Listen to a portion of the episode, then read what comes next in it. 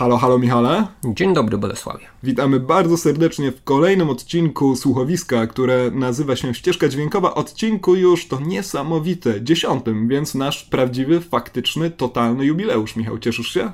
Oczywiście, że się nie cieszę. No, Będę trudno. się cieszył, jak to będzie setny Skoro odcinek. jest już dziesiąty, to trzeba ciągnąć to dalej. E, Ze względu na jubileusz dzisiejsze wprowadzenie będzie trochę dłuższe niż zwykle, ponieważ musimy podziękować kilku osobom i przynajmniej jednej niezidentyfikowanej ludzkiej masie. Zaczynam od podziękowań dla Karoliny, która do dzisiaj jest takim duchowym i przede wszystkim techno- technologicznym patronem, a właściwie patronką podcastu. Montowała pierwsze odcinki i do dzisiaj użycza nam sprzętu. Karolinę możecie znaleźć na YouTubie, w programie na ekranach. Macie 50% szans, że na nią traficie, a jak nie traficie, to też nie bójcie się, nie będzie źle. Dziękujemy również Michałowi. e, To znaczy nie mnie osobiście, ale Michałowi S., młodemu, obiecującemu muzykowi, który pożyczył nam mikrofon do naszego pierwszego odcinka. Tak jest. Jego najnowszy muzyczny projekt nazywa się.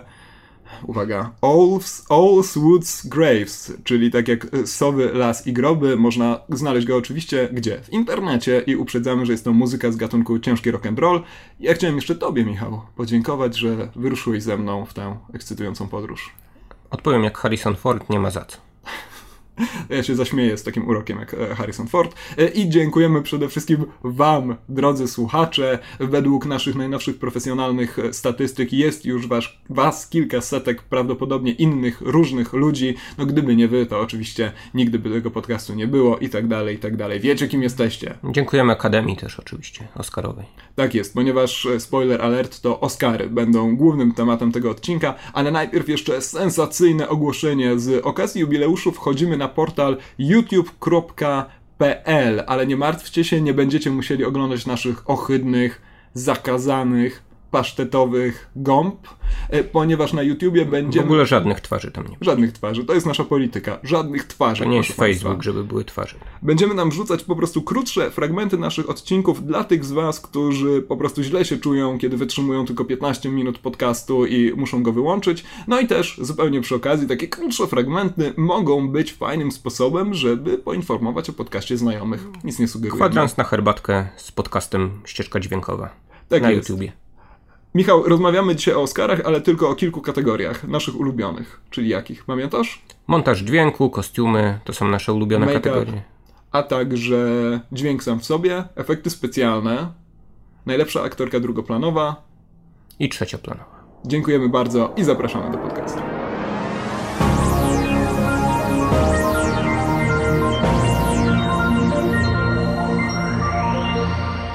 Zaczynamy nasz coroczny już, możemy powiedzieć, bo drugi przegląd nominacji Oscarowych. Podstawowy problem jest chyba zawsze taki, że musimy się osobno zastanawiać nad tym, kto dostanie nagrodę, a kto naprawdę na nią zasługuje. To jest problem dla ciebie? No jest problem, bo czuję taką wielką niesprawiedliwość Akademii za każdym razem, kiedy czytam e, rezultaty Oscarów. Ale najważniejsze No jest ale to, to jest jakiś powód do narzekania przynajmniej, tak? Coś no, się tak, dzieje. no, zawsze, bo, bo na co dzień brakuje mi powodu do narzekania. No, w momencie, gdyby twoi faworyci dostali nagrody Oscarowe, to wtedy miałbyś powód do narzekania, że a te Oscary takie przewidywalne i tak dalej. Jak a jeżeli nie masz na co narzekać, zawsze ponarzekaj sobie na bogatych ludzi dających sobie nawzajem nagrody. Michał, w co się ubierzesz na noc Oscarową? Tak jak zawsze ubiorę się w piżamę. Piżamkę, szlafroczek, Tak, misiu. to mój strój wieczorowy. Ale, ale będziesz oglądał? Planujesz spędzić noc z Oscarami? Planuję, planuję oczywiście nawet y, nielegalne zakłady bukmacherskie będą. Y, przepraszam, to się wytnie oczywiście. Nie będzie żadnych No, zakładów. ani to... bukmacherskich, ani nielegalnych. Tak, dokładnie. Będą to, zakłady o honor. Przecież to nie To sport. jest najważniejsza waluta Polaka. E, zaczynamy ostro, bo od najlepszego filmu Michał proponuje, żebyśmy przypomnieli naszym słuchaczom najlepsze filmy, wymieniając e, je na zmianę, tak jak w tym wideo, w którym ogłaszali nominacje. Nie wiem, czy mamy wypisane te filmy w, tym samym, w, tej, w, tym, w tej samej kolejności, To a nawet w tym samym porządku. musimy. Nie, No to teraz nie wiem, nie wiem w jakiej kolejności wypisywałeś. Musisz to ułożyć alfabetycznie. Ja wiem, że to jest trudne zadanie dla humanisty, więc. E, ciekawa, ciekawa sprawa, mam to wypisane alfabetycznie, ale według e, oryginalnych tytułów. Także zaczynam. Nowy początek. Aż do piekła. Fences, które nie ma jeszcze polskiego tytułu. Lew, droga do domu. To znaczy Lion, droga do domu. Lion, droga do domu, tak jest. E, aż do piekła było? Nie, nie. Było. Już Było? spaliłeś całą zabawę. No, Dobrze, to ja wymienię. Nowy początek, Fences, Przełęcz Ocalonych, Aż do piekła, Ukryte działania, La La La Land, Lion, droga do domu, Manchester by the Sea oraz Moonlight. Aż, aż co do piekła? Aż do piekła. Aha. aż do piekła. Przepraszam, musiałem sobie na ten suchar pozwolić. Michał, jesteś zadowolony z tegorocznych nominacji? Po nominacjach ubiegłorocznych i jeszcze, jeszcze rocznych, jeszcze, tak, jeszcze, jeszcze, przedrocznych tak. i przedwiecznych jestem naprawdę zadowolony, bo te filmy, które obejrzałem, no, obejrzałem większość nominowanych w głównej kategorii, jednak moje oczekiwania w większości spełniły. A przynajmniej nie, nie były tak strasznymi filmami jak filmy typu Służące. Nie wiem, czy pamiętasz taki film. Film Koń Wojenny tak, rzeczywiście. No w tym roku... Stevena Spielberga. Ja jestem też wyjątkowo zadowolony z tych nominacji, bo z 10 filmów nie widziałem ani Fences, które jeszcze nie miało polskiej premiery, ani nie widziałem Ukrytych Działań, które będą miały polską premierę za dni 3 lub 4. To wcale nie oznacza, że dyskryminujemy pewne mniejszości rasowe. Nie, zwłaszcza, że myślę, że z naszych werdyktów, a z moich werdyktów wyniknie, wyniknie e, coś wręcz przeciwnego. E, aż 3 z tych 10 filmów to są filmy, które obejrzałem z dużą satysfakcją, albo skończyłem je oglądać z poczuciem dużej satysfakcji i dla mnie jest to aż do piekła, nad którym się już e, roz, roz, rozwodziliśmy pozytywnie, jak się ładnie mówi, że się rozpływaliśmy. O, rozpłynęliśmy się nad tym filmem w naszym podsumowaniu e, całego zeszłego filmowego roku. Drugi taki film to Manchester by the Sea, a trzeci to Moonlight. To są moje, moje trzy filmy, które uważam, że są najlepsze z tej dziesiątki, a jednocześnie jestem przekonany, że to La La La Land e, dostanie Oscara. Ja właśnie w tej twojej trójce bym podmienił Moonlight na La La La La La La La Land. Yy ale poza tym pełna zgoda. W ogóle te trzy filmy, czyli właśnie Aż do piekła Manchester by the Sea i La La Land, to dla mnie filmy, które zmieściłem w trójce najlepszych filmów, y, nie, nie w trójce, w dziesiątce najlepszych filmów ubiegłego roku. Dlaczego nieważne? Nieważne, dla, dla mnie to jest ważne. Nie, Michał. Takie podsumowania nie mają sensu. A, ale słuchajcie naszego odcinka e, z podsumowaniem.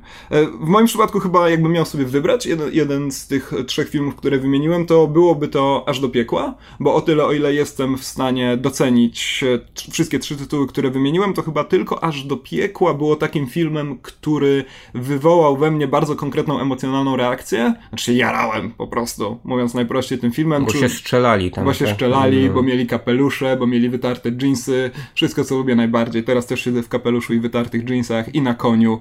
E, tak więc patrzę na listę nominowanych, to chyba tylko waż do piekła się tak strzelają. Tak? Myślałem, że tam znaczy, Przełęcze ocalonych oczywiście. Nie wiem, no, przełęcz ocalonych powinna ci się bardziej podobać, bo tam jeszcze bardziej się strzelają i jeszcze więcej wybuchów i tak, flaczków. No, pod tym kątem to rzeczywiście Przełęcz ocalonych jest y, najlepszym filmem, ponieważ on kończy się taką odą do mordowania za pomocą broni palnej. W zwolnionym tempie możemy sobie pooglądać, jak kule rozrywają japońskie ciała y, i tak dalej, i tak dalej, co jak na film o człowieku, który zdobył medal honoru za ratowanie żyć, jest no, fantastycznym, przewrotnym zakończeniem ze strony Mela Gibsona. Chociaż jakby pogrzebać w nominacji w innych kategoriach, to oczywiście jakieś filmy o strzelaniu by się znalazły, tak? Nawet Michael Bay się załapał w tym roku. Nie wiem, czy wiesz, że Michael Bay jest w ogóle nominowany.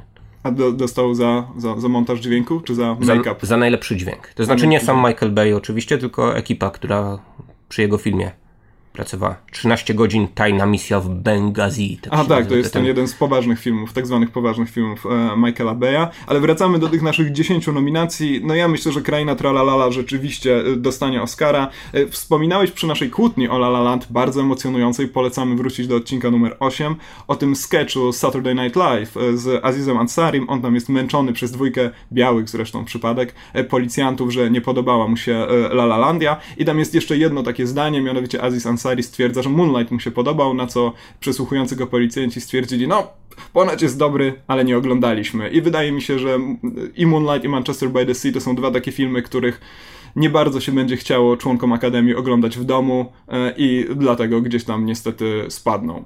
Tak, wydaje mi się, że to są takie filmy, które były doceniane przez różne gildie i cechy rzemieślnicze w Hollywood do tej pory, natomiast y, rzeczywiście na nominacjach się skończy.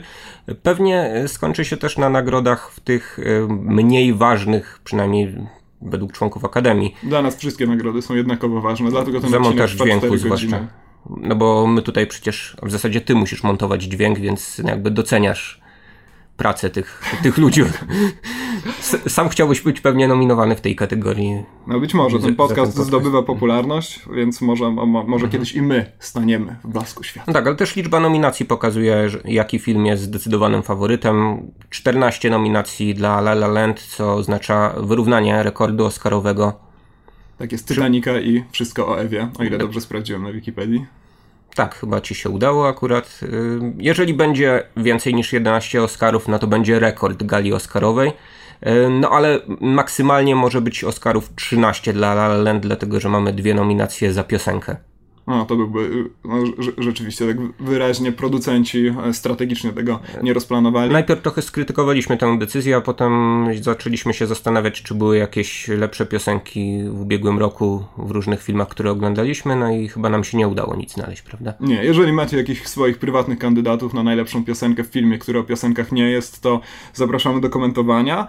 E, ja myślę, że Kraina Tralalala też dostanie na najlepszy film, no bo po prostu Hollywood potrzebuje takiej pięknej historii o takim monumentalnym filmie, który najpierw dostaje 14 nominacji, później zgarnia statuetki e, i będziemy mogli o nim mówić jeszcze przez lata, choć oczywiście nie, bo jest to film absolutnie koszmarny, ale nie będziemy wracać teraz e, do, do tego tematu. Tak, aż mi się nie chce znowu zaczynać od bijatyki.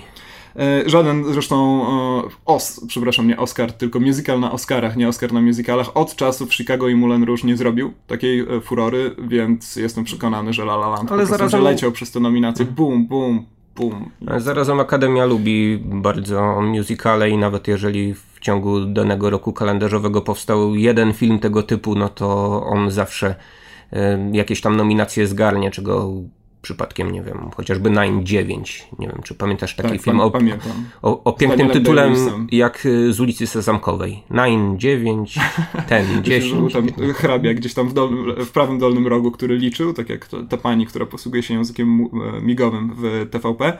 E, no dobra, a te pozostałe A my filmy? mamy ten 10 u nas. Tak. Przypomnieć. przypominamy jubileuszowy odcinek. Nie wiemy, czy przypominamy, bo to jest pierwszy materiał, który nagrywamy. E, pozostałe filmy, Michał. E, Lion Droga do domu to jest dla mnie taki zamach e, braci Weinsteinów na akademię, na ludzi rozdających i wybierających Oscary. Taka rozpaczliwa próba wciśnięcia się jeszcze w to grono. Tak, oni mieli nadzieję jeszcze z Mac Imperium kolejny wspaniały polski tytuł dla filmu The Founder z Michaelem Keatonem. Mieli nadzieję, że właśnie ten film jakieś nominacje zgarnie, a przynajmniej Michael Keaton w roli głównej zostanie nominowany. No ale tu się obeszli smakiem taki E, żarcik kulinarny. Jeszcze w, opisie wytłumaczymy. Tak wydaje mi się, że mm, film Lion Droga do domu ma jeszcze więcej cukru i niezdrowych kalorii niż e, właśnie film Mac Imperium. Nie wiem, czy Widziałeś film Mac Imperium? Nie, ale widziałem Lion, Drogę do domu i ten film jest dla mnie kompletną pomyłką. On jest, jest... jak Baton Lion, prawda? Trochę znaczy, ja cukrem byłem naładowany. miłośnikiem Batonu Lion, ale rzeczywiście, chociaż ostatnio wprowadzi jakąś białą czekoladę, no nie wiem, nie eksperymentowałem jeszcze. W każdym razie druga część filmu Lion, Droga do domu to jest e, e, filmowa adaptacja popularnej zabawy w podróż palcem po mapie. To jest film o facecie, który siedzi przed Google Earth na laptopie i, tak, ale... i usiłuje kliknąć w odpo odpowiedni piksel. To jest zupełnie fascynujące. A, no i jeszcze ma depresję. Tak, to wygląda jak półgodzinna, bo to chyba tyle trwa, y, to znaczy dłuży się jakby to były dwie czy trzy godziny y, reklama Google Earth po prostu. Jak w pewnym momencie przecież bohaterowie mówią, o, jaki fajny wynalazek. No tak, Google to jest 2008 Earth. rok chyba, czy coś takiego, czy 9, więc Google Earth dopiero zaczynało i rzeczywiście wtedy jeszcze mieliśmy świat na wyciągnięcie ręki. Nie to co teraz, kiedy jesteśmy dorośli. Ten e... film jest w ogóle jakimś takim ciekawym przy przykładem retromanii, prawda? Dlatego, że mamy tam, tak jak powiedziałeś, rok prawdopodobnie 2008, chociaż w 2012 on ostatecznie dotarł. No bo siedział na tym Google Earth tak 4 lata. No to jednak trwa przeglądanie. On klika w odpowiedni piksel w rezultacie przez przypadek. To jest super. Ja czekam na adaptację e, historii o facecie, który wszedł sobie z nudów na Wikipedię i po prostu zatoną w kolejnych hasłach. No i to będzie jakiś złowrogi thriller. No ale może odnalazł sens życia po 30 latach może tak. czytania tak. Wikipedii. Podoba mi się też, że główny bohater nagle sobie przypomniał, że miał rodzinę. może gdyby nie technologia, to po prostu w ogóle. W tym filmie w ogóle są takie ciekawe dystrakcje, bo w pewnym momencie. Nicole Kidman y, zmienia fryzury z jednej fryzury ale lata 80. na drugą fryzurę ale lata 80. Stąd ta nominacja dla aktorki. I, i ja w pewnym momencie myślałem, że mm, rzeczywiście bohater y, z Indii został jakimś y, wehikułem czasu przetransportowany do tej Australii kilkadziesiąt lat wcześniej. Ja czekałem. Albo, naprawdę... to są jakieś dziwne retrospekcje z jego ojcem, czy cokolwiek. Ja czekałem, że ten film zamieni się w taką ekscytującą przygodę w Indiach, e, i poszukiwanie własnej tożsamości przez kontakt z kulturą, z której wywodzi się bohater. Tymczasem no, zmieniło się to w klikanie ekstremalne. E, no tak, i w międzyczasie tak, depresja. Ja, tak, staram się za dużo nie czytać o filmach, y, których jeszcze nie widziałem, chyba że na potrzeby tego podcastu tak, coś, coś tam sobie poczytam. E, ale tak, ten film Lion Droga do domu kojarzył mi się z taką księgą dżungli bardziej rzeczywistą i myślałem, że rzeczywiście tam jakieś lwy się pojawią, może być nie. może jakiś miś balu prze, przez dżunglę się będzie przedzierał ten bohater, a on się przedziera przez Google Earth. Nie, nie, nie, nie warto tracić zbyt dużo czasu na ten film, ale warto o to wspomnieć jeszcze skąd się wziął, wziął, wziął e, tytuł Lion, bo przecież on wytłumaczony zostaje dopiero w napisach końcowych, co jest absolutnie fascynujące, ale tym z was, którzy jeszcze nie widzieli Liona Drogi do domu, to nie będziemy psuć niespodzianki. No przecież nie będą nazywać tego filmu Sheru, no bo to będzie się kojarzyć ludziom z Facebookiem, a jednak Google sponsorował ten film, a nie Facebook. Jakiego filmu wśród nominowanych ci e, okrutnie brakuje? Czy jest tu jakaś e, zionąca dziura w twoim sercu? Oprócz tych zwyczajowych? W głównej kategorii? Tak. Ja myślę, że w głównej kategorii bym zmieścił film Służąca Park Chan-wooka, ale oczywiście to nie jest film hollywoodzki, w związku z czym on powinien według akademików przynajmniej wylądować e, w kategorii film nieanglojęzyczny, ale chyba już wspominaliśmy o tym, że decyzją jakichś koreańskich akademików czy pseudoakademików ten film nie, nie został w ogóle wystawiony do Oscarów. Potem zgarniał różne nagrody, m.in. za kostiumy i scenografię, nagrody hollywoodzkie, no ale nie miał żadnych szans, żeby dostać Oscara, ponieważ no, nie kandydował w ogóle w tej kategorii. Mnie brakuje trochę Jackie, Pablo Larraina, e, filmu, który rzeczywiście z powodów kalendarzowych miałby szansę się tam zakwalifikować. Zresztą Natalie Portman dostała nominację za najlepszą żeńską rolę pierwszoplanową. E, Jackie to nie jest film doskonały, absolutnie nie, ale biorąc pod uwagę towarzystwo, w którym by się znalazł, to myślę, że prezentowałby się tak uroczo jak Jackie Kennedy w niektórych fragmentach tego filmu. E, więc wielka szkoda. No dobrze, że przynajmniej to Natalie Portman, o której no będziemy sobie rozmawiać później. Zbyt awangardowy film chyba, żeby jednak został doceniony przez Hollywood, prawda? Mnie się wydaje, że większość widzów, to zresztą e, wnioskuje też z reakcji w Polsce, spodziewało się tego stan takiego standardowego biopika, mm, a tymczasem e, dostali raczej takie, takie eksperymentalne podejście do jednego, być może najbardziej dramatycznego momentu z jej życia, z którego zresztą Laraine jest w stanie e, skonstruować taki przekaz na temat wielu innych momentów jej życia. Uważam, że wychodzi mu to nadzwyczaj dobrze. No szkoda, szkoda, że Jackie tutaj się nie zakwalifikowała zamiast no, nieszczęsnego nowego początku, na przykład filmu, który udaje, że jest inteligentnym, humanistycznym science fiction. Tak, nie jest. No, oczywiście nowy początek na pewno bym podmienił, jeśli nie na służącą, to zapewne na zwierzogród. Też bardzo żałuję, że najlepsza animacja y, tego roku, która zapewne dostanie nagrodę w kategorii najlepszy film animowany, no nie została jednak doceniona nominacją tutaj w tej kategorii najlepszego filmu w ogóle przy tylu nominacjach wydaje mi się, że Zwierzogród powinien się zmieścić yy, absolutnie. No i jeszcze być może film Cloverfield Lane ten, o którym kiedyś tam już... Tak, to przy do, okazji podsumowania do, również do, do, znajduje dość, dość mocno opowiadaliśmy. W prywatnych dziesiątkach. No na pewno tutaj, tutaj, tutaj bym zmieścił. Yy, no można się tylko zastanawiać, które filmy należałoby ale nie, no mamy Lejona, mamy nowy początek. Myślę, że Przełęcz Ocalonych też trochę na wyrost nominowana w tej kategorii. Tak jest. No to po prostu dlatego, że Gibson nagle odzyskał szacunek w Hollywood i e, postanowiono go w ten sposób uhonorować. No, nie rozmawialiśmy w ogóle o Manchester by the Sea, o Moonlight, czyli na przykład moich osobistych obok, aż do piekła e, faworytach, ale o tym będzie jeszcze okazja, bo zarówno Manchester, jak i Moonlight są nominowane w kategoriach i reżyserskich, i scenariuszowych. I także aktorskich. Więc zostawiamy najlepszy film i przechodzimy do następnego fragmentu. Jakiego? No zaraz zdecydujemy. Rozmawiamy teraz o Casey Afflecku i innych aktorach nominowanych, którzy Oscara nie dostaną, no bo Casey Affleck Oscara dostanie.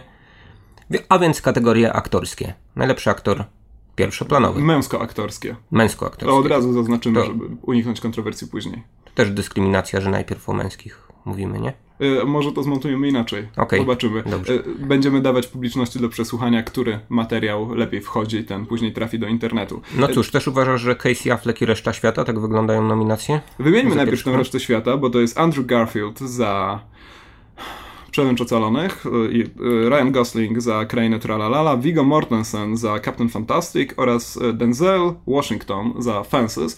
I od razu... Fences Płoty. Fences Płoty. Nie widzieliśmy niestety Denzela Washingtona w Fences Płotach. Możemy tylko opierać się na przeróżnych relacjach, że był znakomity. Zresztą wyreżyserował również ten film. Ja opieram się też na doświadczeniu swoim i uważam, że ten film tak właśnie zostanie przetłumaczony przez dystrybutorów polskich. Fences. Płoty. Czemu Casey Affleck jest takim twoim jednoznacznym faworytem, Michale? E, przede wszystkim ze względu na to, że w tak zwanym wyścigu oscarowym do tej pory nie miał praktycznie konkurentów. Oczywiście wśród y, kilkudziesięciu nagród, które są przyznawane na drodze do Oscara, jakieś tam dziwne wyskoki inne następowały. Ty wspomniałeś y, przed chwilą, że Dev Patel dostał nagrodę Brytyjskiej Akademii Filmowej. Ale wspomniałem to w naszej prywatnej e, rozmowie z uszka do uszka, więc poinformujmy oficjalnie naszych e, słuchaczy, że tak, Dev Patel dostał BAFTę za rolę w Lionie, ale to jest inna kategoria, zaraz do niej przejdziemy. Michał, nie bajzluj tutaj. E, Casey... Ach, tak, już pomieszałem dwie kategorie, rzeczywiście. Już, już, prostu ale mi się pięknie udało. Jeszcze, jeszcze trzy minuty. Casey Affleck... No tak, Denzel Washington dostał rzeczywiście jedną z ważniejszych nagród po drodze do y, Oscara. I to była taka niespodzianka, natomiast wydaje się, że Casey Affleck jest murowanym faworytem, któremu, jak mówią pewne plotki, tylko mogą ewentualnie zagrozić pewne skandale z przeszłości, w zasadzie jeden taki skandal seksualny. Tak jest, chodzi o skandal związany z molestowaniem seksualnym, ale no, żeby też nie rozwodzić się nad problemem, który jest poważny, a co do którego nie mamy zbyt wielu informacji, to możemy tylko ograniczyć się do obiektywnych faktów, czyli nie przeszkodziło mu to po prostu w zdobywaniu ani nominacji oscarowych, ani innych e, istotnych nagród, choć oczywiście Wiel Oscary trochę innymi prawami mhm. się tak naprawdę e, rządzą i nie zdziwiłbym się tak naprawdę, gdyby rzeczywiście gdzieś nam położyło się to cieniem na jego nominację i nagrodę dostał Washington za to, że on jest tak naprawdę jedyną w tym gronie taką gwiazdą filmową z prawdziwego zdarzenia. O nie, to bym się nie zgodził. Ryan Gosling wydaje mi się, że też już jest motorem napędowym wielu filmów. To... Ale Washington mi się tak dobrze kojarzy z takim, e, może to wynika przede wszystkim z tego, że większość filmów z Denzelem Washingtonem oglądałem na Polsacie w latach 90., ale kojarzy mi się właśnie z takim starym, dobrym Hollywood, a Ryan Gosling to jest człowiek, którego zawsze można zbyć stwierdzeniem, ma jeszcze czas. Znaczy, rzeczywiście chyba nastąpiła tego typu zmiana w Hollywood, to znaczy coraz mniej jest tak naprawdę filmów z gwiazdami, które gwiazdy jakby ciągną, to znaczy przyciągają y, publiczność y, tym swoim nazwiskiem i w zasadzie można zrobić film o wszystkim, ale zagra w tym Denzel Washington i to będzie y, właśnie film z Denzelem Washingtonem, na który y, ludzie pójdą. No tak do tej pory przynajmniej bywało. Tak bywało też z filmami y, z Tomem Cruzem przez długi czas, bo on miał też taką passę, że każdy jego film zarabiał przynajmniej te 100 milionów dolarów. Tak, no to i... mimo tych wszystkich skandali, które wyczyniał w swoim okołofilmowym świadku, no i teraz jest oczywiście Dwayne The Rock Johnson, ale on jeszcze w tym roku nominacji nie otrzymał. Tak, ale to no wciąż to, to, to jest tak, że Dwayne The Rock Johnson przykleja się do różnych marek. Tak, ja, tak, wiem, no jasne, znam, znam twoje uwielbienie dla niego, ale on jednak jest częścią jakiejś franczyzy, a nie te franczyzy są częścią Dwayne'a The Rocka Johnsona, chociaż on jest może większy no, od tych franczyz. Tak, jak ci się pięknie powiedziało. E, Ryan Gosling w każdym razie dla mnie, no mimo że i jednym z niewielu elementów związanych z La La Land, co do których się zgadzaliśmy, było to, że Ryan Gosling jest tam e, bardzo sympatyczny. To myślę, że o Oscara się w tym przypadku nawet nie otrze. Cieszę się bardzo z nominacji dla Viggo Mortensena, czy jakkolwiek powinno się odmieniać jego imię w języku polskim, e, a nie ze względu na jego rolę w Captain Fantastic, która nie powaliła mnie na kolana, ale za to, że to jest w ogóle fascynująca postać, która bardzo dużo robi dla przemysłów filmowych, tych trochę mniejszych niż Hollywood. E, udziela się w takich bardzo kryptycznych projektach, jak na przykład Haucha Lisandra Alonsa e, niedawno e, i po prostu zasługuje na to, żeby pokazać go szerszej publiczności przy innej okazji niż kolejne wersje reżyserskie Władcy Pierścieni. Tak, no, świat na pewno i tak go będzie pamiętał jako Aragorna, ale jednak szacunek dla tego człowieka, że próbuje odnaleźć... Szacunek, Vigo. E, trochę inaczej niż Elijah Wood, który też e, próbuje wymyślić się na nowo, ale idzie mu średnio, znaczy stara się w, kącie, e, w kontrze do swojej roli Hobbita Froda ob, obsadzać się w rolach jakichś no, dziwnych neurotyków, chuliganów i tym podobnych postaci, psychopatów na przykład. A tutaj Viggo Mortensen to jest w ogóle malarz, nie wiem czy słyszałeś o tym. On wszystko potrafi. On gra na gitarze, maluje, mówi 17,5 językami. Mhm. Więc trochę tak jak w tym filmie, prawda? W tym filmie Captain Fantastic, który będzie w ogóle na polskich ekranach, pewnie w jakiejś ograniczonej dystrybucji, bo niestety ten sam straszny dystrybutor, który odpowiada za Manchester by the Sea, wprowadza ten film. E, wprowadza w marcu bodaj. No większość osób miało Captain okazję Fantastic. już ten film widzieć w tak zwanej innej dystrybucji. Tak, ale chciałem tylko powiedzieć o tym, że właśnie Viggo Mortensen jest takim człowiekiem renesansu w tym filmie i tego też uczy dzieci swoje z dala od cywilizacji i z dala od społeczeństwa. Mm, trochę taka e, rola w stylu Harrisona Forda e, z pamiętnego filmu Petera Weira Wybrzeże Moskitów i trochę słabszy film moim zdaniem od Wybrzeża Moskitów, niemniej jednak wciąż e, warty uwagi z takich mniejszych, niezależnych filmów amerykańskich z zeszłego roku. Andrew Garfield e, znakomity w Przełęczu Ocalonych? Nie powiedziałbym, że ta rola jest e, rolą znakomitą. Wydaje mi się, że to jest jedna z tych ról, które dosyć często się zdarzają w nominacjach Oscarowych, to znaczy rola dla aktora, który jednak jakimś wysiłkiem fizycznym e, zdobył to uznanie Akademii. Tutaj akurat nie mamy jakiejś takiej drastycznej transformacji e, cielesnej, fizycznej, jak to się często zdarzało wśród tych nominacji. E, zresztą wszystkie, wszystkie te role tak wyglądają, właśnie, że dzięki Akademio, że w końcu nie nominowałaś y, tych ludzi za to, że się, się jak Christian tak. Bale tak y, od, odchudzali albo, albo pogrubili, albo postarzyli, oszpecili i tak dalej. No, tutaj mamy y, tylko Andrew Garfielda, który no, musiał trochę chyba poskakać do tej roli i wydaje mi się, że mimo wszystko trochę schudł. On jest bardzo szczupły, ale jednak do te, do, w tej roli wygląda na jeszcze chudszego niż w Spider-Manie. A może to moje subiektywne wrażenie, bo był umorusany w tym filmie zwykle. Umorusany, tak jest. I to są tak naprawdę wszyscy. No Casey Affleck jest e, faworytem większości prasy i chyba, chyba moim oczywiście, też. No nie powiedzieliśmy tego głośno, oczywiście to jest wybitna rola Casey'ego no właśnie, Afflecka. To... Tego on jest po prostu znakomity w tym filmie. E, w tym znakomitym filmie zresztą jednocześnie. Wiarygodny w każdej scenie, w tym, no w scenie, która jest chyba kluczowa dla tego filmu, scenie z Michelle Williams, takie rozmowy na, na ulicy. Zresztą za tę rozmowę, pewnie za tę scenę Michelle Williams została nominowana, o czym za moment.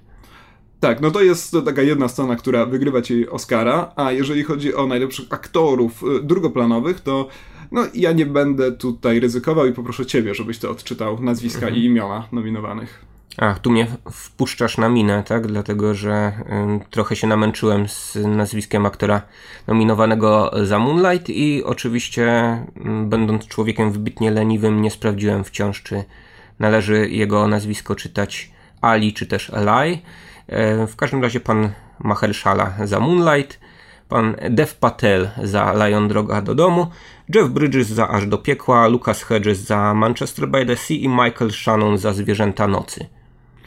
I tutaj moimi dwoma faworytami są dwa filmy, w których nie ma tak naprawdę ról e, pierwszoplanowych, bo ani w Moonlight, ani w Zwierzętach Nocy chyba nie możemy mówić o ani aktorach, a w przypadku e, Zwierząt Nocy nawet o aktorkach pierwszoplanowych. Wydaje mi się, że Amy Adams nie spełnia tam takiej roli. E, według mnie w ogóle nominację powinien ktoś dostać z tej w cudzysłowie trochę głównej obsady Moonlight, a najchętniej nominację przyznałbym temu aktorowi grające, grającemu najstarszą wersję naszego bohatera on ma tam taką rolę najskrom, najskromniejszą, jeżeli chodzi o czas i przestrzeń, ale chyba najbardziej wymagającą, jeżeli chodzi o zaprezentowanie e, pewnej potrzeby tłumienia w sobie czegoś e, za pomocą pewnych klisz kulturowych. No on tam się pojawia na 15 minut może, ale jest naprawdę Tak, znakomity. to jest niesamowicie interesująca rola, ponieważ on ma e, mniej linijek dialogowych niż te postacie, które są drugoplanowe właśnie. To znaczy musi grać twarzą, musi grać e, gestem, musi grać swoją fizycznością, e, ale no jest to ten, jest to tak, zgadzam się absolutnie. Myślałem, że to jest 50 Cent w ogóle przez chwilę, który przecież usiłuje robić karierę filmową, ale, ale nie był to popularny mhm. raper 50 groszy. No i, no i tu mamy taką właśnie ciekawą sytuację, że mm, okej, okay, mamy tych trzech aktorów w Moonlight grających y, głównego bohatera, y, a y, doceniony zostaje zostaje, do, o Boże, doceniony zostaje ten najbardziej znany chyba, po prostu. Ten, mhm. który ma największe szanse na to, żeby przykuć uwagę członków Akademii na różnych specjalnych pokazach, spotkaniach z prasą i tak dalej, i tak no bo pan Mahershala Ali, zaryzykuję i ujmę go w ten sposób, to jest człowiek, który w zeszłym roku grał przecież w co drugim programie telewizyjnym, w kilku filmach zapewne też. Z House of Cards go znamy, między innymi. Tak, z Luka Cage'a. Wspominałeś mi też, ale do dzisiaj nie widziałem, że grał też w serialowej wersji komiksu Outcast. Zgadza się, tak. Y, więc być może tak, być może rzeczywiście y, nominacje dostali aktorzy, których Akademia y, w jakiś sposób znała, chociaż pewnie nie znała Dev Patela, czy Deva nie, no, Patela. pamiętają go przecież ze Slamdoga, Milionera z ulicy. On później jeszcze grał w kilku mniejszych filmach, też w tym filmie Cherry bodajże, tym o tej początkującej gwiazdce porno. E, ale... Takich filmów nie oglądam. Bardzo dobrze, Michał. Polecamy to nastawienie części naszych słuchaczy. E, a teraz no, miałby to być wielki powrót w filmie Lion Droga do domu. No tam mhm. rzeczywiście, mimo że gra głównego bohatera to pojawia się tam na jakieś 20-25 minut, no jest zupełnie byle jaki, bo przypomnijmy, że w tym filmie chodzi o to, żeby patrzeć w monitor.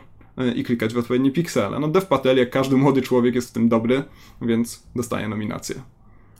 E, ja się chyba będę musiał rakiem wycofać z tego, co przed chwilą powiedziałem, bo tak spojrzałem raz jeszcze na listę nominowanych i widzę tak naprawdę dwa znane nazwiska. Więc w tym roku chyba jednak Akademia postawiła na mniej znanych e, aktorów. Lucas Hedges oczywiście już co nieco też y, na dużym ekranie zagrał. Grał u Terego Gilliama w teorii wszystkiego, ale chyba nawet y, w Polsce niewiele filmu, niewiele osób ten film widziało. Y, no nie odbił się jakimś szerokim echem. I mamy tylko dwóch takich naprawdę zasłużonych aktorów, przy czym no jeden Jeff Bridges no to jest rozpoznawalną, Bridges, tak, koleś Lebowski, rozpoznawalną gwiazdą podczas gdy Michael Shannon jest y, chyba wciąż ma status jednak takiego porządnego aktora drugiego planu właśnie i być może dostanie Oscara jako doceniony taki, no nie chcę mówić teraz rzemieślnik, ale specjalista, tak? Specjalista tak, no, od ta, Aktor planu. charakterystyczny z taką od razu rozpoznawalną twarzą, tembrem głosu i tak dalej. No Zwierzęta Nocy Forda to jest, czyli film, za który Shannon jest nominowany. To jest film, który, tak jak wspomniałem, składa się wyłącznie z aktorów drugoplanowych i na początku wydawało się, że to Jake Gyllenhaal e, będzie tym, który w końcu stanie E, w gronie nominowanych do Oscara. BAFTę trochę zaskoczenia, zaskoczenia dostał Aaron Taylor Johnson za rolę drugoplanową. Wydaje mi się, że dostał ją tylko za jedną scenę. E, tak jak Casey Affleck dostał za scenę na ulicy, to Aaron Taylor Johnson za scenę, w której rozmawia w tym małym domku, nazwijmy go w ten sposób bez spoilerów, z Jake'em Gyllenhaale i robi przez moment taką straszliwie demoniczną minę, że ja pamiętam, że aż odskoczyłem od ściany, na której ten film e, mi się wyświetlał, ale Shannon jest zdecydowanie najjaśniejszym punktem tego Zdecydowanie filmu. Shannon jest znakomity znakomity przyćmiewa Jake'a i Arona Taylora Johnsona również. Y, przez moment się bałem, że uważasz, że Aaron, Aaron Taylor Johnson y, dostał tę nagrodę za y, scenę siedzenia na toalecie na ganku. Było naprawdę znakomite. No. Wymagała poświęcenia niewątpliwie. Michael Shannon w takim razie. I, i co, jeszcze to, coś o aktorach? Pierwszo, drugoplanowych? Nasz, oso nasz osobisty typ chyba wspólny, tak? Chociaż... Y, tak, dogadujemy się tu świetnie. Casey Affleck pierwszy plan. Chociaż nie obraża się, jeżeli Jeff Bridges dostanie też tego Oscara. Tak. No, zresztą wspomniałeś przy naszej rozmowie o Aż do piekła, że tutaj wreszcie Jeff Bridges hmm. wraca do takiego poziomu aktorskiego, jaki prezentował. No i, no i muszę wspomnieć, że y, Lucas Hedges w wielu scenach jest jednak godnym partnerem jest, jest, dla, jest, dla Casey'ego Afflecka, tak chociaż wciąż nie wiem na ile to zasługa jakiejś takiej jego naturalności, na ile rzeczywiście zdolności dziecko. aktorskich. Ja w jego wieku nie dostałem Oscara. Czyli on też nie powinien. Proste. Nominowane w kategorii najlepsza aktorka pierwszoplanowa to Isabelle Iper za film L, Ruth Nega za film Loving, Natalie Portman za film Jackie, Emma Stone za Krainę Tralalala oraz Meryl Streep za Boską Florence. Michał, komu wręczasz swojego prywatnego Oscara z czekolady? Czemu z czekolady? No nie wiem, z czego byś zrobił Czekolady Oscara? nikomu nie oddam. Nikomu nie oddasz czekolady. Z jakiegokolwiek Oscara. Z jakiejś dyk- Z kokosa, dykty. bo ty nie lubisz kokosa. kokosa. To, to jest wielka tajemnica. Z drewna, bo drewna nie jem akurat. Oczywiście Oscar dla Meryl Streep. Po prostu. Co roku powinien być Oscar dla Meryl Streep. No, Powinna zlikwidować się kategoria najlepsza Nie wiem, nie wiem dlaczego co roku kończy się tylko na nominacji. Wydaje mi się, że tutaj Akademia powinna pójść na całość. W tym roku Meryl Streep, w następnym Meryl Streep, potem Meryl Streep. Mogliby je dostać trzy Oscary z góry już. Mogli... Bo Oscar nie ulega takim przemodelowaniom jak Puchar za Mistrzostwa Świata w piłce nożnej na przykład, nie?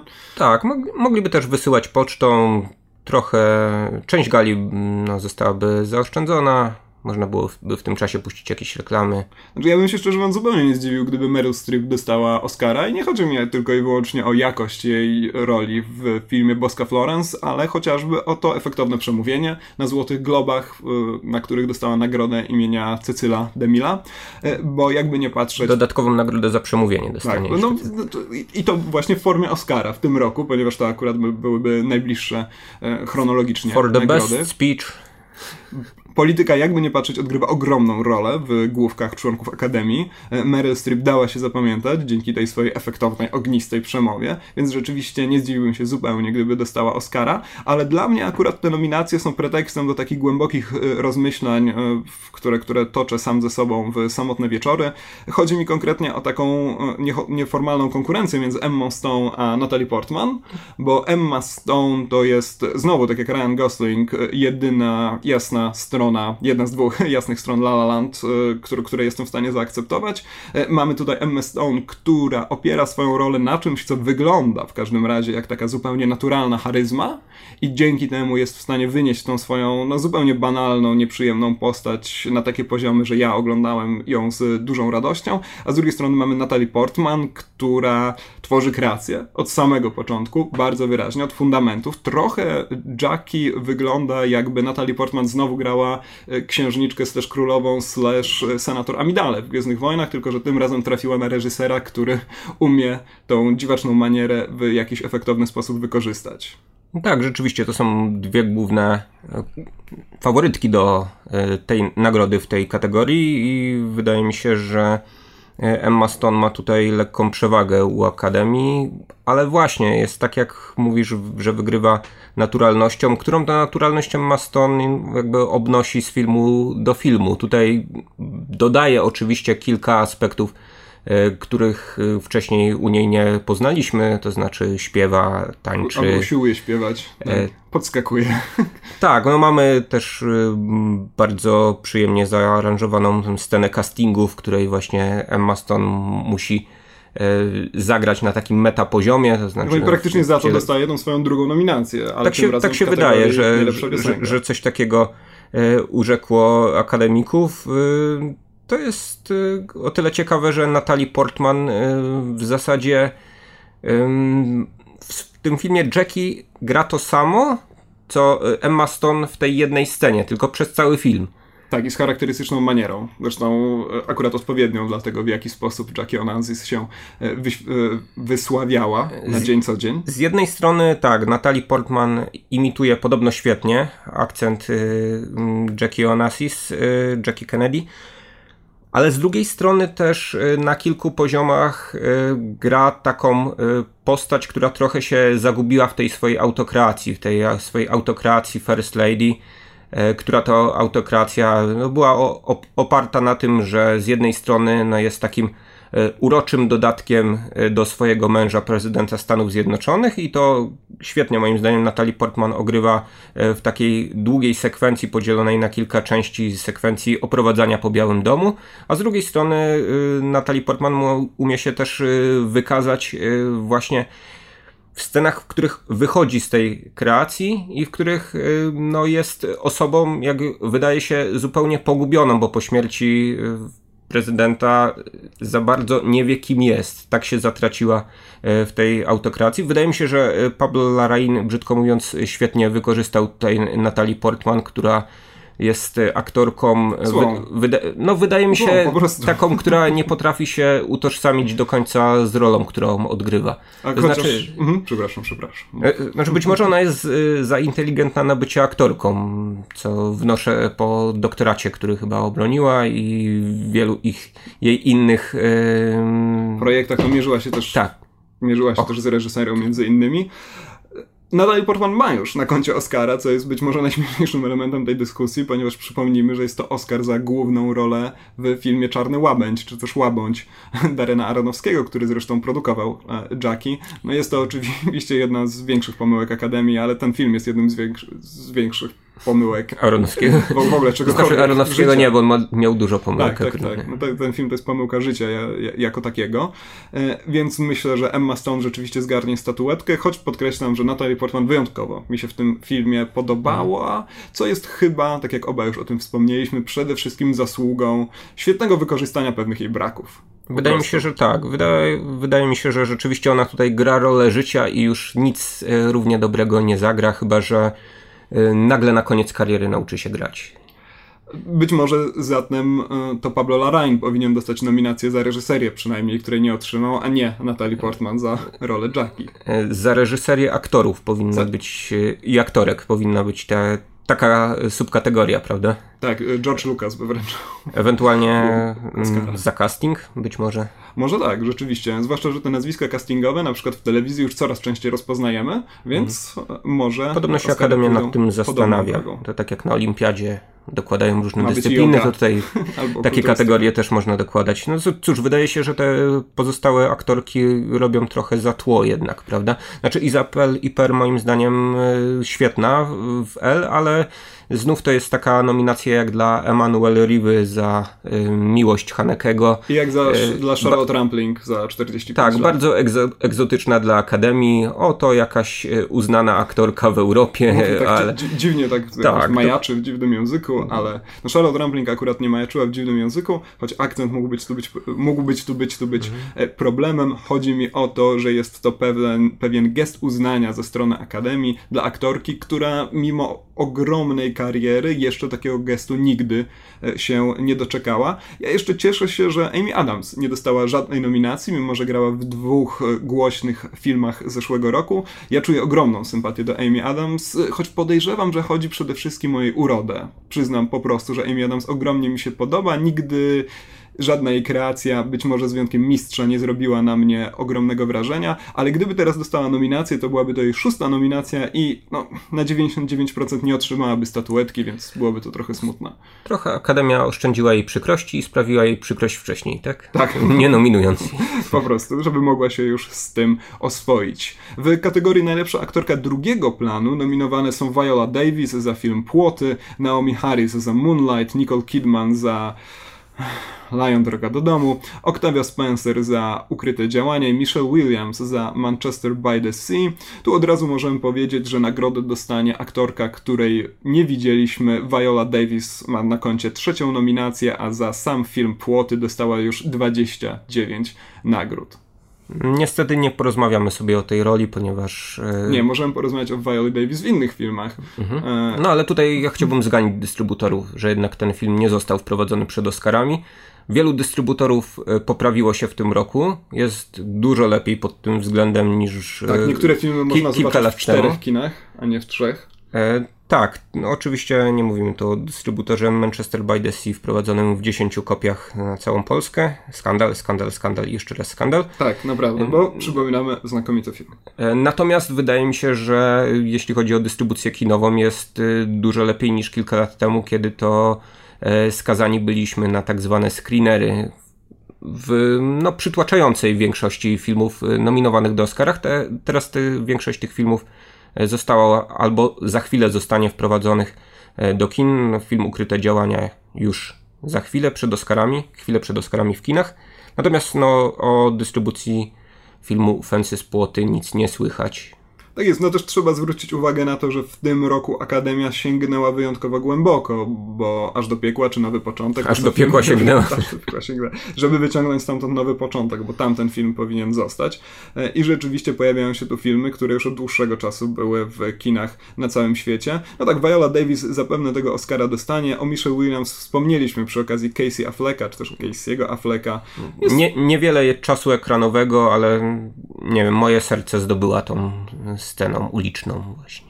Octavia Spencer już ma Oscara e, na swoim koncie. Pokonała chyba wtedy m.in. Viola Davis, tak mi się wydaje, kiedy konkurowały za film Służące. Tak jest. E, Naomi Harris w Moonlight e, bardzo interesująca i nie zdziwiłbym się, gdyby rzeczywiście ta statuetka. No nie, nie zdziwiłbym się, ponieważ Viola Davis jest murowaną kandydatką, ale rzeczywiście o Naomi Harris należy pamiętać za ten film. No Nicole Kidman. Niezła rola, średnia charakteryzacja. Tak, tak, tak, okej. Okay. Nicole Kidman, no to już rozmawialiśmy głównie o jej fryzurach. Y tak, to jest, to jest coś, co w ogóle mnie jakoś y, oderwało od y, śledzenia tego, co się w filmie dzieje. Ja, tak ja ja, mam, oglądam fryzury zamiast ja, śledzić Ja patrzyłem na tę burzę włosów tylko i...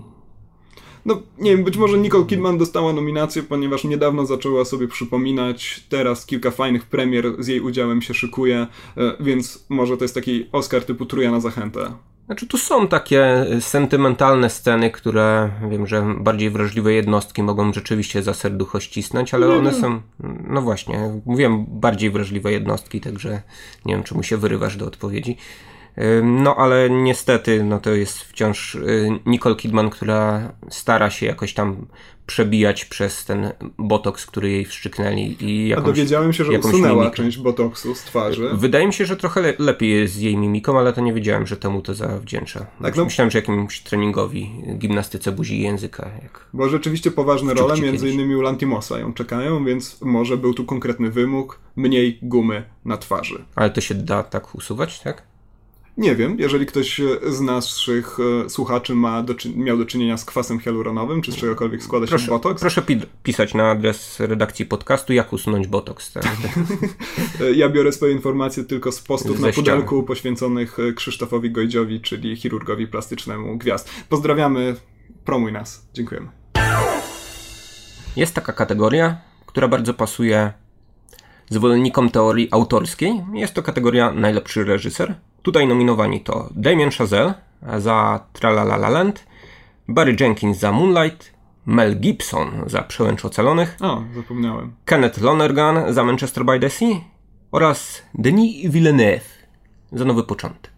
Jest takie rozróżnienie, kiedy czyta się prasę około Oscarową, że Manchester by the Sea to jest przede wszystkim film oparty o znakomity scenariusz i to w tej kategorii powinien rządzić, podczas gdy Moonlight przede wszystkim to jest reżyseria i jest to absolutny faworyt. No ale jak wiemy, nawet, nawet Damien Chazelle dostał nagrodę za La La Land i ja zresztą śmiem twierdzić, że dostanie y, za to także Oscara. No właśnie mamy taką kategorię bardzo trudną do omówienia. Trudno jest też y, rozgraniczyć pewne rzeczy, na ile scenariusz, na ile wkład aktorów, y, na ile ładne zdjęcia przyczyniły się do tego, y, że ten film jest dobry, jak w ogóle ocenić wkład reżysera. To, że to wszystko razem jest spójne, czy tak, ja zawsze tak sobie to tłumaczę, że reżyser odpowiedzialny jest po prostu za zapanowanie nad całością materiału filmowego. E, i w tym przypadku największe wrażenie zrobiła na mnie chyba praca Ilonergana, czyli Manchester by the Sea i Jenkinsa, czyli Moonlight, bo oba te filmy oparte są na dość ryzykowne, dość ryzykowne zabiegi, jeżeli chodzi o różne retrospekcje, elipsy, e, przenoszenie się z miejsca na miejsca, przede wszystkim z czasu, z czasu w czas. I obaj reżyserzy znakomicie sobie e, z tym poradzili. Moonlight jest po prostu chyba troszkę bardziej efektowny, jeżeli w ogóle można takiego słowa w kontekście takiego filmu używać, ale Lonergan też zrobił kapitalną robotę, ponieważ poza tym e, jemu należy się uznanie za to, że męczy się z tym Hollywoodem, męczy. No, ten jego poprzedni film Margaret przeszedł przez jakąś e, drogę męki zupełną, zanim pojawił się na ekranach. Tak raz na 5 lat filmy Lonergana trafiają na wielki ekran, no i to dopiero trzeci jego film, na to przecież człowiek, który już jest grubo po 50, więc tych filmów mógłby mieć 30. No, to jest autor y, scenariusza bodajże do Depresji Gangstera między innymi, więc wiesz, to jest facet z dużym dorobkiem. E, no, ale zastanówmy się może nad najgłośniejszym nazwiskiem z tej piątki, czyli nad Melem Gibsonem, który nominację dostaje oczywiście za Przełęcz Ocalonych. Byłeś zachwycony nadzwyczajnym wyczuciem rytmu, wojennej energii, krwi, posoki i tak dalej. Nie wiem, czy jest coś takiego jak rytm krwi i posoki w Hacksaw Ridge, czyli Przełęcz Ocalonych? A niewątpliwie ona jakoś tam rytmicznie y, pulsuje, w zasadzie bryzga. wypływa i bryzga. Tak. W, tym, w tym filmie mówi się o y, Melu Gibsonie jako reżyserze, który świetnie jest w stanie zainscenizować, zaaranżować sceny batalistyczne. I tak się też mówiło y, przed tym filmem, no ale potem poszedłem na przełęcz ocalonych E, i wydaje mi się to jakiś, e, jakimś krokiem w tył w porównaniu z Braveheart na przykład. Tak, dokładnie. Ostatnim filmem, który pozwolił Gibsonowi gdzieś tam pojawiać się chyba w gronie nominowanych do Oscara. Nie, absolutnie nie rozumiem je, zachwytu. Jeżeli, jeżeli rzeczywiście tutaj um, nobilitować Gibsona miałyby te sceny batalistyczne, no to przepraszam bardzo, ale tu, jest, tu są sceny rodem z jakichś y, dziwnych filmów fantazji, kung fu, kopanie granatów i tak dalej. Bo, tak, bo, rzeczywiście, tam dużo ludzi kopie granat. Kopnij granata. No tak, ewentu ewentualnie bierze jakiś, jakiś kadłubek zwłok i osłania się nim też w jakichś jak... filmach, w filmach gore, ale taki, t, t, t, taki największy zarzut y, dla mnie to do scenografii tego filmu, która trochę wygląda jak y, to zbudowana w studiu o dość ja ograniczonych wiem, wymiarach. A ja ci powiem, bo okay. dowiedziałem się mianowicie, że Mel Gibson po prostu kręcił to na jakiejś farmie w Australii, gdzie puścili dymiarki y, i tyle. No i widać to w tym filmie, że to jest trochę taki no to... droższa akademia szkolna i taka, w której dyrektorka no bardzo No to super, no zakładam, że w pewnym momencie doszli gdzieś do płotu dzielącego tę posesję tak z jakąś inną i uznali, że tutaj się musi jednak e, ten płaskowyż kończyć e, i wygląda to jakby trochę w takiej trochę większej piaskownicy całość zaaranżowano. Tak, my się tak bawiliśmy na przykład na placu zabaw. Tam są tam Przedzi przedziwna jest topografia tego filmu, bo w pewnym, w pewnym momencie e, okazuje się, że żołnierze japońscy szukają tego biednego Andrew Garfielda, a, a, okazuje się, że on jakoś skutecznie się przed nimi ukrywa, podczas gdy wcześniej jest to tak ogrywane, tak kamerowane, e, jakby mm, no, rzeczywiście bieg na jakimś e, wąskim odcinku, no takiej, takiej może trochę szerszej, szerszej uliczki. Tak, no... I, i, nie, I, nie, miałby się gdzie ukryć tam a, absolutnie na noc, tak a przynajmniej tam spędzić kilka dni Właśnie filmowa topografia i to jak my jako widzowie ją odbieramy, to jest bardzo dobry punkt do oceny tego ogólnego ogarniania materiału filmowego. No w Przełęczy Ocalonych to w ogóle nie działa. Nie rozumiem zachwytów nad reżyserią nawet scen batalistycznych, nie mówiąc o tym, że sceny batalistyczne to jest jednak mniej niż połowa tego banalnego, rozwlekłego, nudnego filmidła. Tak, no mamy tak jeszcze różnego rodzaju takie metafizyczne, czy ja bardzo lubię neologizm metafizjowane, yy, apoteozy, tak, w tym bohatera zjeżdżającego no, z tego płaskowyżu, znoszonego w zasadzie na takich, na takich, takich podwieszonych noszach. No, takie y, takie sceny, które rzeczywiście y, w Pasji 2, którą podobno Mel Gibson szykuje. Nareszcie, pożądany sequel. Zapewne mogłyby się znaleźć, ale tutaj no, pasują bardzo średnio, no i rzeczywiście wydaje mi się, że to jest nominacja na wyrost. Absolutnie, po prostu Gibsonowi udało się. Zresztą on ponoć ma teraz, mimo swojej e, głoszonej publicznie nienawiści do filmów superbohaterskich, wreszcie zaangażować się w jakiś projekt Warnera, więc może po części chodzi o to, żeby go po prostu zrehabilitować. Denis Villeneuve i Nowy Początek? Tak, coraz lepiej znany jako dobry reżyser złych scenariuszy. Tak, i tak. Od czasów Pogorzeliska według mnie w każdym razie Villeneuve nie miał dobrego scenariusza. A już samo Pogorzelisko kończyło się moim zdaniem fatalnie, to znaczy mm, rozwiązanie tej całej intrygi narracyjnej było tak rodem z telenoweli wzięte i wydaje mi się, że wciąż niestety y, Villeneuve na tę przypadłość cierpi.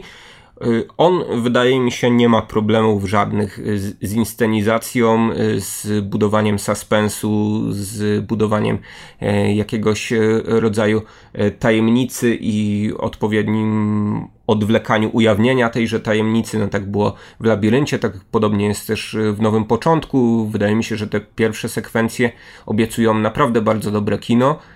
Potem niestety scenariusz kuleje, no a, a, tak. ko, a koniec jest, koniec jest koszmarny motyw chińskiego generała jest, jest jakimś fatalnym rozwiązaniem dla tego filmu. Właśnie, więc e, być może gdyby Villeneuve'owi, Villeneuve nie dostał aż tak złego scenariusza, o którym zresztą będziemy zaraz rozmawiać, to jego umiejętności inscenizacyjne e, mogłyby przynieść mu statuetkę. Ja na przykład czepiałbym się bardzo reżyserii Villeneuve'a w przypadku Sicario, gdzie wydaje mi się, że ten reżyser myli napięcie z nudą i to jest już taka kwestia, jak mi się zdaje, związana czysto z e, reżyserskim właśnie kunsztem. Ale wciąż są takie poszczególne sekwencje w tych filmach Villeneuve'a, które się pamięta do dziś, tak? W Sicario to jest to oczywiście ten ale też ten wjazd, tak, konwoju. Benicio del Toro jako Bruce Willis. Wjazd jako Chuck Norris. wjazd konwoju do Meksyku. Wydaje mi się, że to jest do meksykańskiego miasta. To jest, to jest no, scena, która świadczy o jakiejś maestrii reżyserskiej. Tak, no ja, inscenizacyjnie to jest znakomita scena. I, I, po, I podobnie dla mnie tutaj jest y, w scenie z kolei, można powiedzieć, znów y, wchodzenia tak, tylko do statku ko kosmicznego trochę innymi e, środkami operuje Villeneuve, no, nawet bardzo różnymi środkami. Znów jest muzyka Johanna Johanssona, znów te drony dźwięczą nam w uszach, ale znów też wydaje mi się, że tutaj Villeneuve staje na wysokości zadania, no ale potem płynie w jakimś bardzo dziwnym kierunku, który mu scenariusz niestety tak, dyktuje. Niestety znowu stanął za kamerą filmu, który jest w każdym razie w moim prywatnym rankingu skazany na porażkę ze względu na pracę też innych członków ekipy. Dlatego ja wybrałbym, chyba jakbym musiał wybrać jednego, to pewnie byłby to Barry Jenkins, ale tak to stawiam na równo Jenkinsa, Moonlight i Lonergan, czyli Manchester by the Sea. Ja uwielbiam film Kenneta Lonergana i wydaje mi się, że niektóre mm, sceny w tym filmie świadczą też o niezwykłym wyczuciu reżyserskim, y, no ale to być może jest y, związane też z tym, że to jest tak dosłownie film autorski, tak Lonergan napisał do niego scenariusz, więc mógł y, przez te kilka lat milczenia y, pewne rzeczy też poprawiać, y, ogrywać, dogrywać, no a też pewne decyzje podejmowane na planie zadecydowały o tym, że mm, no, ten film zyskuje bardzo dużo. Podobno scena z noszami i sanitariuszami, taka bardzo dramatyczna scena, bardzo przejmująca, chyba najbardziej przejmująca scena w całym filmie. Manchester by the Sea została tak, tak naprawdę nie tyle zaimprowizowana, co, co była skutkiem po prostu no, pewnej nieudolności aktorów, e, ale też jakby wielkim e, osiągnięciem e, reżysera Lonergana jest to, że tę scenę włączył do filmu, że nie, nie uważał, że skoro to nie jest według jego scenariusza zagrane, należałoby ją stamtąd wyrzucić, ale wręcz uznał, że ona, że ona świetnie pasuje, świetnie to zostało zmontowane. E, no i między innymi za takie decyzje też uważam, że ten Oscar się należy, chociaż z drugiej strony Barry Jenkins to człowiek, który e, adaptuje sztukę teatralną i to też może być e, docenione, jak daleko od no właśnie takiej teatralności w złym, w złym, tak, w złym, brzydkimi. No, w złym rozumieniu tego słowa, no to jest taka tak, to jest takie słowo wytrych e, krytyków filmowych, jeśli chcą e, powiedzieć o filmie, że był że nudny, statyczny i, i, i, i, kamera się za bardzo w nim nie ruszała. No tak, to... a z kolei Moonlight to film Moonlight w cudzysłowie filmowy. Bardzo często się nie mówi, że jest bardzo filmowy, cokolwiek miałoby to znaczyć. E, jeszcze jedna rzecz. Damien Chazelle na pewno dostanie tego Oscara. Jestem absolutnie przekonany, mogę na to postawić 17 groszy, e, więc wydaje mi się, że, że, że tu nie będzie. Przy żadnych... mnie ten zakład. Tak, i przy naszych e, słuchaczach. I tyle na temat reżyserii. Przenieś nas do scenariuszy, Michale. Przenosimy się do świata słowa pisanego. I tutaj Nudy. mamy. Dlaczego słowo pisane to nudy? No, a kto by Bo... dzisiaj czytał? W dzisiejszych czasach. Tym bardziej pisał. Czy też jakieś komiksy zdarza ci się? No tak, albo tam są obrazki. W scenariuszach też czasami też są obrazki, czasami mm, autorzy coś tam... rysunki na marginesach. Tak, dokładnie, zwłaszcza poprawki. Najlepszy scenariusz oryginalny i adaptowany. Oryginalny to Aż do piekła, La La Land, Lobster, po angielsku The Lobster i Manchester by the, the Sea, Homer. a także 20th Century Women, film, którego nie mieliśmy okazji zobaczyć w Polsce, a ja przyznaję od razu nie miałem okazji zobaczyć go w ogóle. A u ciebie jak, Michał? Też niestety go nie widziałem, jestem wielkim fanem poprzedniego filmu Mike'a Millsa, Debiutanci i liczę, że ten film o, będzie przynajmniej części tak dobry jak debiutanci z Iwanem McGregorem, że będzie go można... Polecam ten film. Tak, to swoją drogą i liczymy, że 20th Century Women będzie można też obejrzeć na legalu, bo nominacja do scenariusz, e, czyli bardzo ważna nominacja, to, to jest też jedyna nominacja tego filmu, więc coś zapewne jest e, na rzeczy. Proszę Państwa, przed chwilą dowiedzieliśmy się o werdykcie gildii scenarzystów i w kategorii najlepszy scenariusz oryginalny wygrał tam Moonlight którego oczywiście w Oscarach w tej kategorii nie ma, o tym zaraz.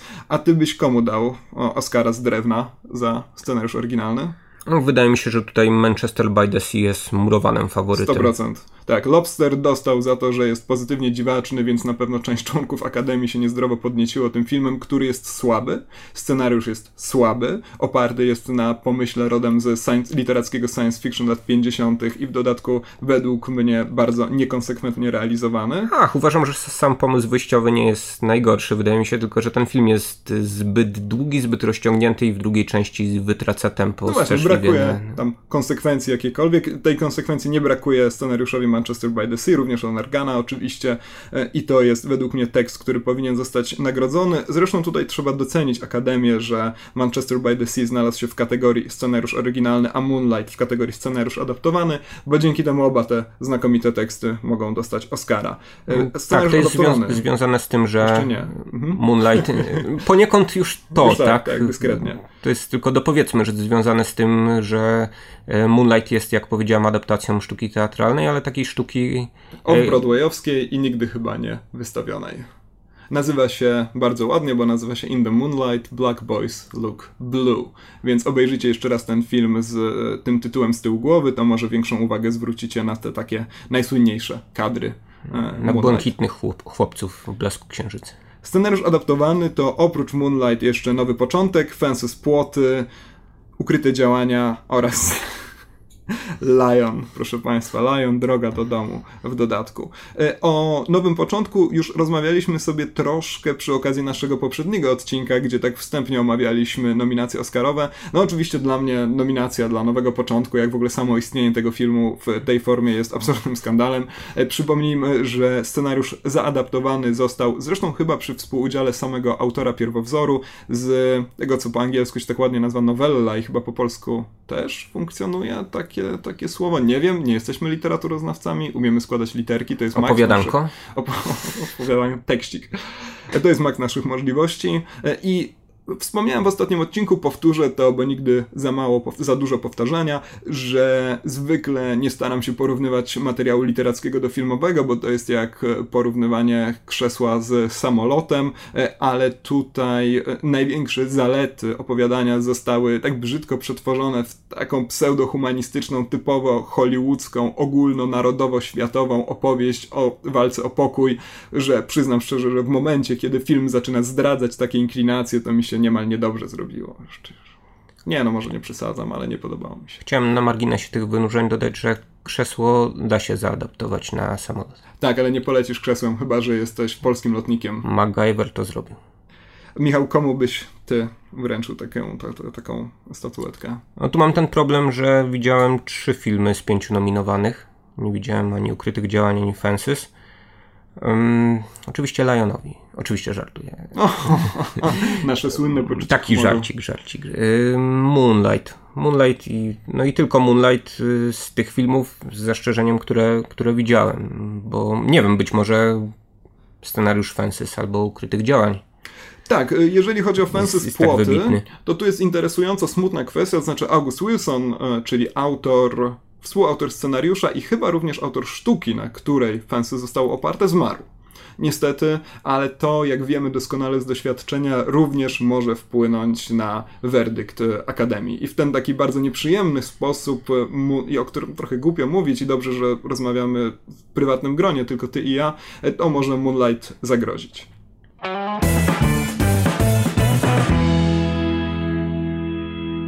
I koniec. Dobrnęliśmy do kresu 10 odcinków podcastu, który nazywa się Ścieżka Dźwiękowa. Bardzo dziękuję za uwagę. Następny odcinek będzie 11. Nie jubileuszowy. Nie, to źle to zaplanowaliśmy. E, w każdym razie, nasi drodzy słuchacze, z okazji dziesiątego odcinka jubileuszowego mamy dla Was niespodziankę w postaci sceny po napisach, e, a konkretnie rozwiązania naszego facebookowego konkursu, który przypominam był taki, jeżeli polubicie nas na Facebooku, to będziecie mogli brać udział w większej liczbie takich konkursów. Co prawda nie mamy żadnych napisów na koniec, ale i tak będzie scena po napisach. I Także co teraz? Zostańcie z nami. Dziękujemy bardzo i do usłyszenia. Sayonara żółwie.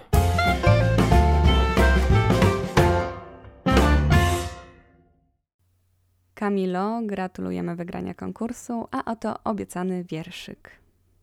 Niczym kołacz w butiku, jak dziobak w nakastliku, ugrzęzło nasze haiku w ciasnym słów przełyku.